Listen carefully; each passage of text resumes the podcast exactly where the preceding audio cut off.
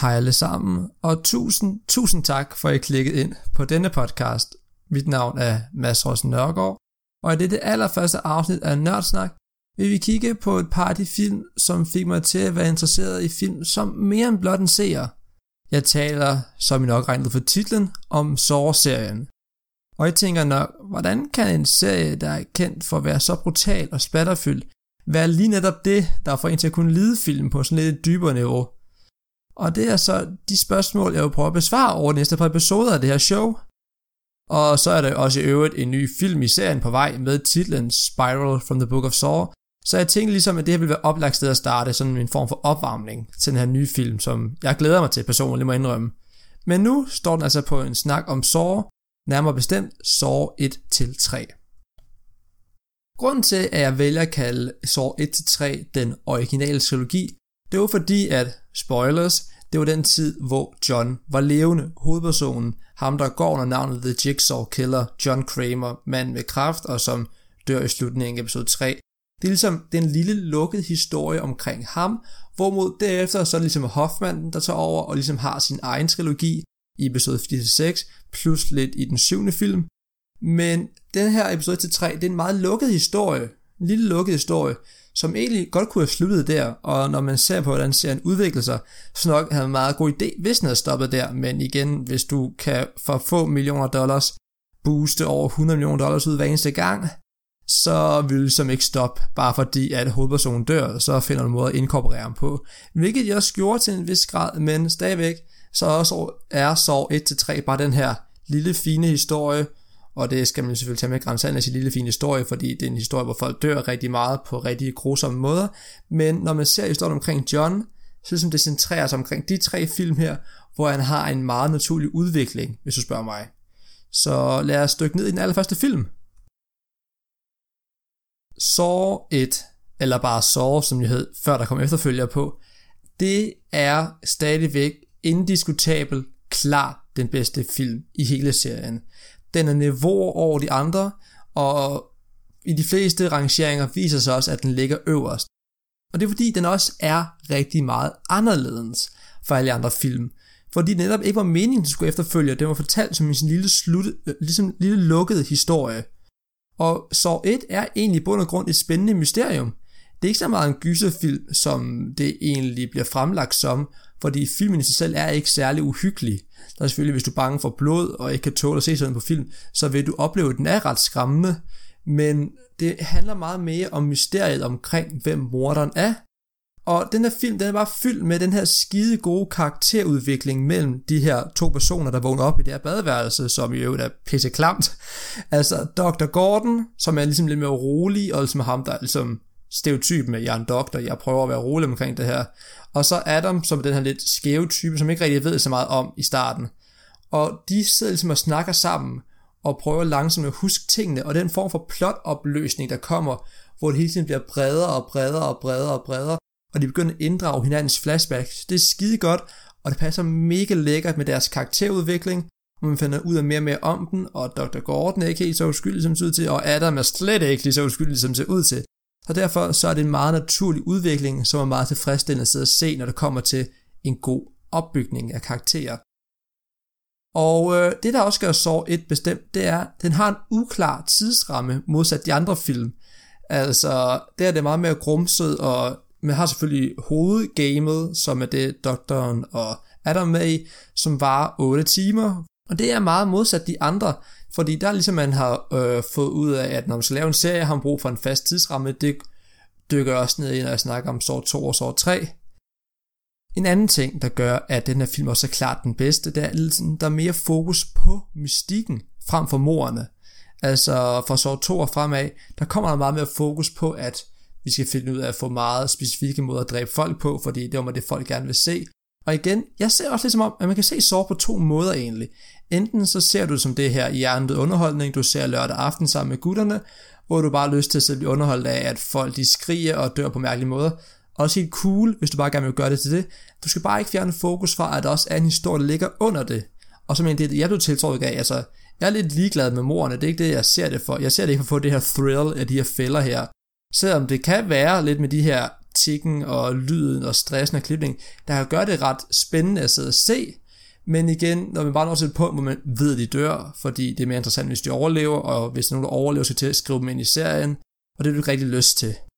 Men så 1 havde meget mere fokus på den her lille mystik her, omkring, hvad egentlig det går ud på. Der var egentlig kun én fælde, eller måske to, som egentlig blev udført, hvor man så det hele. Og det første, det var den der med Amanda, den omvendte bjørnefælde, som også ligesom var det, der satte det i gang med den her meget mærkelige måde at fremstille mor i film på, hvor det ikke bare var at finde nogen døde et eller andet sted, og det ikke bare handlede om at se en eller anden stor mand i en maske med en kniv, der stak dumme teenager ned. Her havde med den her ting, hvor der nogen, der rent faktisk selv havde al mulighed for at tage herre over deres eget liv, og samtidig så får man den her meget intense klipning, og den der lyd med tandhjulen, der drejer, kan være ret sådan interessant at sidde og se på. Jeg ved, jeg ved ikke rigtig, forstår, hvad jeg mener, men sådan, det er ret, det kan være ret sådan thrilling, eller hvad man skal sige. Og så hele den her stemme, der kommer der, og man første gang, man ser dukken komme ind der, hvor den ikke er farver ikke engang, altså den er filmet sådan meget grønligt skær, og man kan næsten ikke se farverne på den, hvorimod senere der får man virkelig fokus på de her røde ting, der spænder rundt om kinderne på den, og det bliver lidt mere farvet, og den mister lidt sit gritty look, men holder stadigvæk lidt, men den første film, den er virkelig gritty, synes jeg, meget rå at se på, især med dukken, hvor den så efter kommer ind, og selvfølgelig man ser den i farverne, men og, undskyld, jeg, jeg rører ud af sidespor her, men den er bare bedre, fordi det er mystikken, og så den anden fælde, vi også så, det var jo selve badeværelset med Adam og Gordon, som selvfølgelig er en længere periode. Det er ikke sådan en enkelt fælde, der spænder sig ud over halvanden minuts tid, af hvad de plejer at få, de der offer der. Men så, det sidste ting, som jeg ville fremhæve godt, det er, at den har et lille cast og et stort fokus på de karakterer. Dem, der er interessante, der er doktoren, der er Adam, der er Amanda, der er Detective Tab, ikke så meget hans hjælper Sing, og så er der Sepp, og selvfølgelig doktorens familie med igen. De er ikke så vigtige igen helt. Altså det er meget få personer, det drejer sig om, og det giver mulighed for at se udviklingen på dem. Og altså, jeg behøver ikke sige det, men plot twist i slutningen er også bare skide godt. Altså, man så det ene ting. Først troede man måske, det var doktoren, så kunne det have været Adam, så kunne det have været Seb, så kunne det have været Tab, og så kunne det være Seb igen. Der var rigtig mange ting, som egentlig bare kastede ind over det hele, og sidst, så ser man bare John rejse sig der, og man bare slet, altså, kan ikke lade være med at klappe af det, altså det er, det er bare godt. Så Hvide til 2, og noget af det første, man lægger mærke til, når man ser det, det er, at de har lavet et strategisk fokusskifte til en mere koncentreret og kortere historie. I forhold til Saw 1, der havde den her meget løse fortælling, og hvor hovedspillet varede 8 timer, og øh, der var den her lange baggrundshistorie, hvor man der går flere måneder tilbage med, at Dr. Gordon kan huske, hvordan han først blev introduceret til den her Jigsaw-karakter. Så øh, i den anden film her, der er meget kortere historie. Altså hovedgamet tager to timer, plus lidt introduktion og lidt afslutning. Og øh, man kan ligesom, ligesom leve med tanken om, at når man cutter frem tilbage mellem huset med offerne, og øh, der hvor at øh, John sidder og bliver afhørt, hvis der går et par minutter tabt der, så med filmens øh, løbetid kan man næsten snakke om, at alle tingene foregår in real time. Der er ikke sådan nogle store tidsop, som man ser i den første, hvor der er timer, der bare bliver sprunget væk med lige have et flashback og sådan lidt. Så det er i hvert fald noget, de gjorde, og jeg tror faktisk, det var smart. Fordi den første Saw-film er rodet, og jeg kan ikke forestille mig, at det har været nogen stor succes at skulle køre en helt serie af film i samme stil. Så det er meget vigtigt, at man finder ud af at konkretisere historierne. Stadigvæk er flashbacks, der går langt tilbage i tiden og sætter ting op, men det ikke bliver så flydende, altså der bliver mere, der bliver mere afklaring om, hvad der foregår hvornår, og man skal ikke tænke så meget med, okay, er vi i fortid, nutid eller fremtid lige nu her? Det er ikke noget, man skal tænke så meget over. Man kan mere fokusere på, det der sker nu, det er nutiden, og så er en ret klar overgang til, til datiden og flashbacksene. Bortset fra, når man selvfølgelig finder ud af i slutningen af filmen, at alle offerne rent faktisk var døde på forhånd, men en del af twistet, og det, det, som, det kan man så godt leve med, for det er ikke noget, filmen prøver at forklare noget igennem, at det er vigtigt, at man skal vide, at det her det er i fortiden, det er faktisk meningen, at man ikke skal vide det. Og det gør den skide godt, og det er grunden til, at Saw 2 i min mening også er den næstbedste Saw-film. Altså der er simpelthen der er en rampe, den går ned i kvalitet hen over serien, mere eller mindre. Men uh, det er faktisk meget godt gjort. Og sådan en anden ting, som den her film gør virkelig, virkelig godt, hvis du spørger mig, det er, det her, det er Johns film. Vi, øh, vi så ham ikke rigtig så meget i uh, den første. Altså han var kun lige med til ligesom at lave det her surprise, surprise til sidst, udover at han slår der hele tiden. Men det her, det var Johns film i form af det her, man får lov til at finde ud af, hvem han er. Vi ved ikke rigtig noget om ham i den første film. Vi ved kun, at han er en syg kraftpatient, der er rigtig super verden, og hvordan den fungerer. Og det er selvfølgelig også svært nok, men her får vi, finder vi ud af, hvad der ligesom er grunden for hans motivation, og hvad der får ham til at gøre, som han gør. Og det er super fedt at se, hvordan han sidder og snakker med Detective Matthews, og man rent faktisk ikke får det her klare indtryk af, at der er en, der har ret, og en, der tager fejl her. Det er meget rodet, og det er ikke sådan, at man holder med den ene eller den anden, og det er selvfølgelig op til en selv, men filmen tager ikke side. Og jeg er på ingen måde en, der støtter Johnny, det han gør. Jeg synes, det er forfærdeligt ting, han gør selvfølgelig, men man kan forstå, hvor han kommer fra, hvilket er så meget federe at se i forhold til en eller anden gyserfilm, hvor der bare er en eller anden mand i en maske med en kniv, der dræber teenager, fordi det har han lyst til, og der er ikke så meget til det. Her, der er en, der rent faktisk tror, at de gør verden en tjeneste, selvom man godt kan se, at verden ikke ser det samme som ham. Så det, altså, det er virkelig dejlig udvikling af John som karakter. Jeg ved ikke, om dejligt er det rigtigt ord, men det er god udvikling. Og så over til de ting, som selvfølgelig er lidt negativt i den film her, fordi det går ned ad bakke, og det er, der er så bare mere fokus på ofre og fælder. De er bombet op, og der er meget mere med den her scene, hvor at man ser en fælde spille sig fra start til slut, og så enten dør eller overlever vedkommende. Og det, altså det så vi ikke så meget den første, det var mere glemt, hvis man ser bort fra Amandas tur, hvor man her, der er så mange flere. Der er den med nålene, der er den, hvor hun stikker hænderne op, og de sidder fast, og der er ovnen, der er selvfølgelig også nogle booby traps, hvor der er ham, der kigger igennem nøglehullet, så, eller kigger gennem det der peephole, der bliver skudt lige i ansigtet. Så der er lidt mere fokus på det, og det bliver meget mere udspillet, og der er også selvfølgelig hele åbningen. Det var der, vi introducerede begrebet opening trap, hvor vi fik den omvendte udgave af den omvendte bjørnefælde, hvor der er en, der lukker den her gang.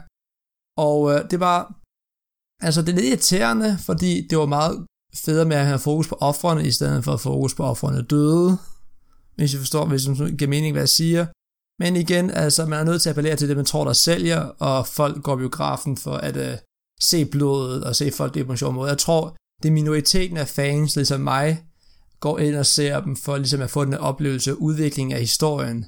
Og så er det, der bringer mig tilbage til at se filmene. Og det, jeg glæder mig til, når jeg skulle sidde og se de film igen for at kunne lave den her podcast, det var, at jeg fik lov til at opleve historien. Og så ligesom bare ignorere det faktum, når de sidder og skriger, og nogen dør og sådan noget. Det er sådan lidt, øh. Men ja, altså det er jo, hvad det er. Og så den sidste ting, som så også introducerede, der er meget med brug af politi. Altså der er rigtig meget med de her SWAT-teams, der rykker ind jo.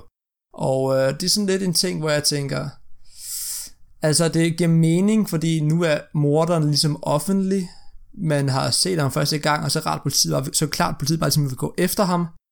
Men jeg savner lidt historien med den enkelte betjent, detektivtype, der bare jagtede vedkommende, og så var mere mysterium omkring det, hvor nu er det bare sådan et spil katten efter musen, men for et realistisk synspunkt, så giver det vel meget god mening. Så.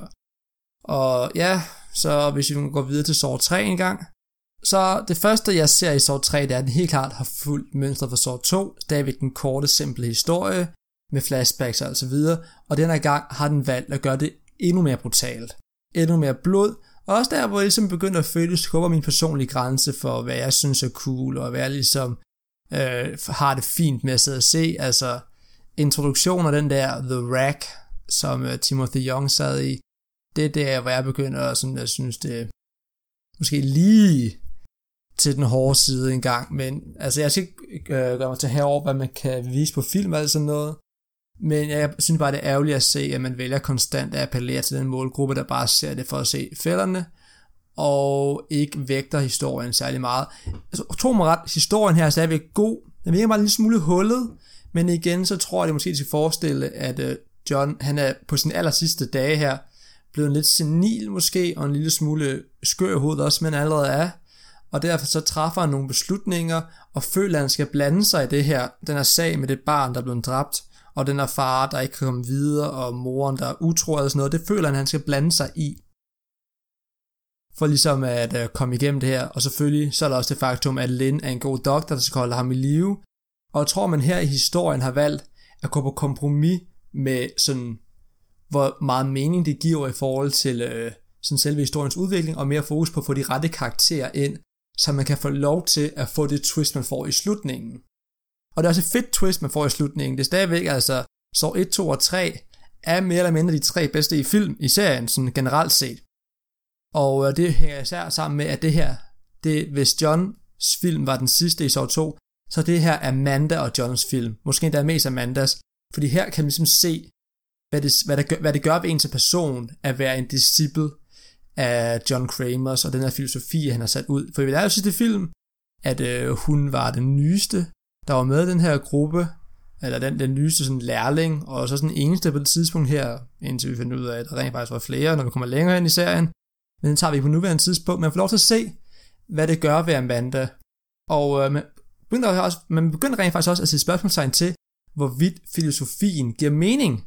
Altså selvfølgelig gør den ikke for os, men selv for dem, der er internt. Altså Amanda begynder lige pludselig at flippe ud, når hun ser, at John er meget mere glad for Lynn, end han er for hende, selvom han siger det modsatte. Så hun begynder at tro, at fordi at Lynn kan redde John, så er Lynn vigtigere end Amanda, hvor Amanda nærmest bare fungerer som en praktisk gris, der henter ting, og gør de ting, som John ikke fysisk er i stand til at gøre. Og det er jo også, altså, det er hun jo også, det hun hovedsageligt skal gøre, og hun er en, som de siger flashbacksene, giver sig 100% til John, og ligesom lever for at kunne føre den der skæbne videre, og kunne føre historien om John Kramer og Jigsaw-killeren videre. Og øh, det fungerer rigtig godt, fordi indtil sidst så hun bryder bare sammen og siger, at det ikke virker, og der er intet, der fungerer, og hun ender også med at slå Lynn ihjel, hvilket så trigger den her total awesome slutning. For så snart, at Amanda skyder Lynn, så er der, at øh, John så siger, at du lige ødelagt fire liv. Og det mener han jo, at øh, den form for poetisk afslutning, der kommer af, Amanda skyder Lin, og så Lins mand skyder Amanda i hævn.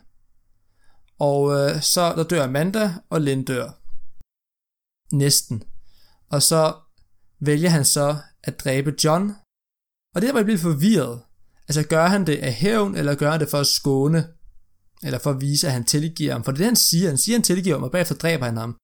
Men jeg tror, at det han gør, det er, at han ser det som et, øh, et, nådestrab, eller sådan noget, fordi der er, John er så syg, så der er ikke noget, der giver mening for ham at være i live så meget længere. Han kan ikke en ting, og han skal kun være i live længe nok til at se det her spil blive færdigt. Så da han dræber han så John, vil jeg gøre, at den der ting, det der øh, bælte af en art krav, som Lin har fået på, eksploderer og dræber Lin, og derefter så smækker døren i og fanger ham derinde. Og så er essentielt set fire liv, afsluttet. Og det markerer slutningen på den her originale trilogi rigtig meget. Johns trilogi, der hvor han ligesom er live er med. Jeg synes, det er en fed slutning. Og det er en fed måde at runde det hele af på. Og så meget som jeg egentlig også synes, at man kunne have sluttet Saw efter den første film, fordi den første Saw-film får rigtig meget dårlig omtale, på grund af de andre film, der kom senere ned i serien, som ved man med voldsomme, så tænker man bare, når man hører Saw, og det er sådan noget ved vold, og folk der bliver pint, og torturporn, og hvad man så begynder at kalde det over tid. Når den første film rent faktisk ikke er det, og det synes jeg er trist. Men hvis, hvis man så skulle rykke sluttidspunktet på serien, kunne man gøre det efter den tredje film, selvom John selvfølgelig sluger det der bånd der, som han putter ind i sådan noget sterin, fordi det er sådan den fjerde film starter. Men jeg synes stadigvæk, det er en god afslutning, og John han dør, og han dør en værdig død. Sygdommen tager han faktisk, han bliver faktisk slået ihjel. Og Amanda kommer også af dage, og det gør Len, og det er altså, det hele slutter og lukker. Og derfor jeg ligesom ser det her som Saws originale trilogi. Så øh, ja, det bringer os ind slutningen af den her første podcast nogensinde på Nørdsnak. Og øh, jeg ved ikke, om det bliver med at kalde den det. I må sige til, hvis navnet er mærkeligt eller noget. Jeg er bare sådan, jeg bruger det, fordi jeg gerne vil snakke om ting, som jeg nørder personligt, og jeg vil ikke rigtig gøre noget med film, fordi jeg også overvejer branche ud i musik og i spil, som også er ting, jeg er meget passioneret omkring. Så jeg vil ikke lukke mig ned på at lave noget ala filmsnak eller sådan noget, og det navn er også allerede taget. Så jeg synes, nørdsnak passer godt, for jeg gerne vil snakke om ting, der jeg er passioneret omkring. Og jeg håber, at kvaliteten også var okay med lyden. Jeg har en ny mikrofon på vej, men på grund af covid-19 og alt det der, alting forsinket, og jeg kunne ikke rigtig vente meget længere med at få de her ting ud, fordi jeg har gået og arbejdet med det her rigtig længe. Og så håber jeg også på, at jeg på et tidspunkt kan få det på Spotify og iTunes og alt sådan noget. Problemet er bare, at det der med at lave en host-side og de tekniske ting, det kræver at kunne lave en podcast frem for at bare optage en lydfil og putte den på YouTube, er lidt mere omsaggribende, end jeg troede til at starte med. Så start her på YouTube, og jeg ved godt upraktisk, da man ikke sådan bare kan have den kørende i baggrunden, hvor man det kan på Spotify og alt lignende. Men jeg håber, I kunne lide det, og håber, I lyst til at høre det næste gang, når vi så tager Saw 4-6, og til sidst tager Saw 7 og Jigsaw, og i samme øh, instans også kigger på, hvad vi kan forvente os af den sidste film. Så ja, det har været Mads Ross Nørgaard, og du har lyttet til Nørdsnak, og vi ses snart.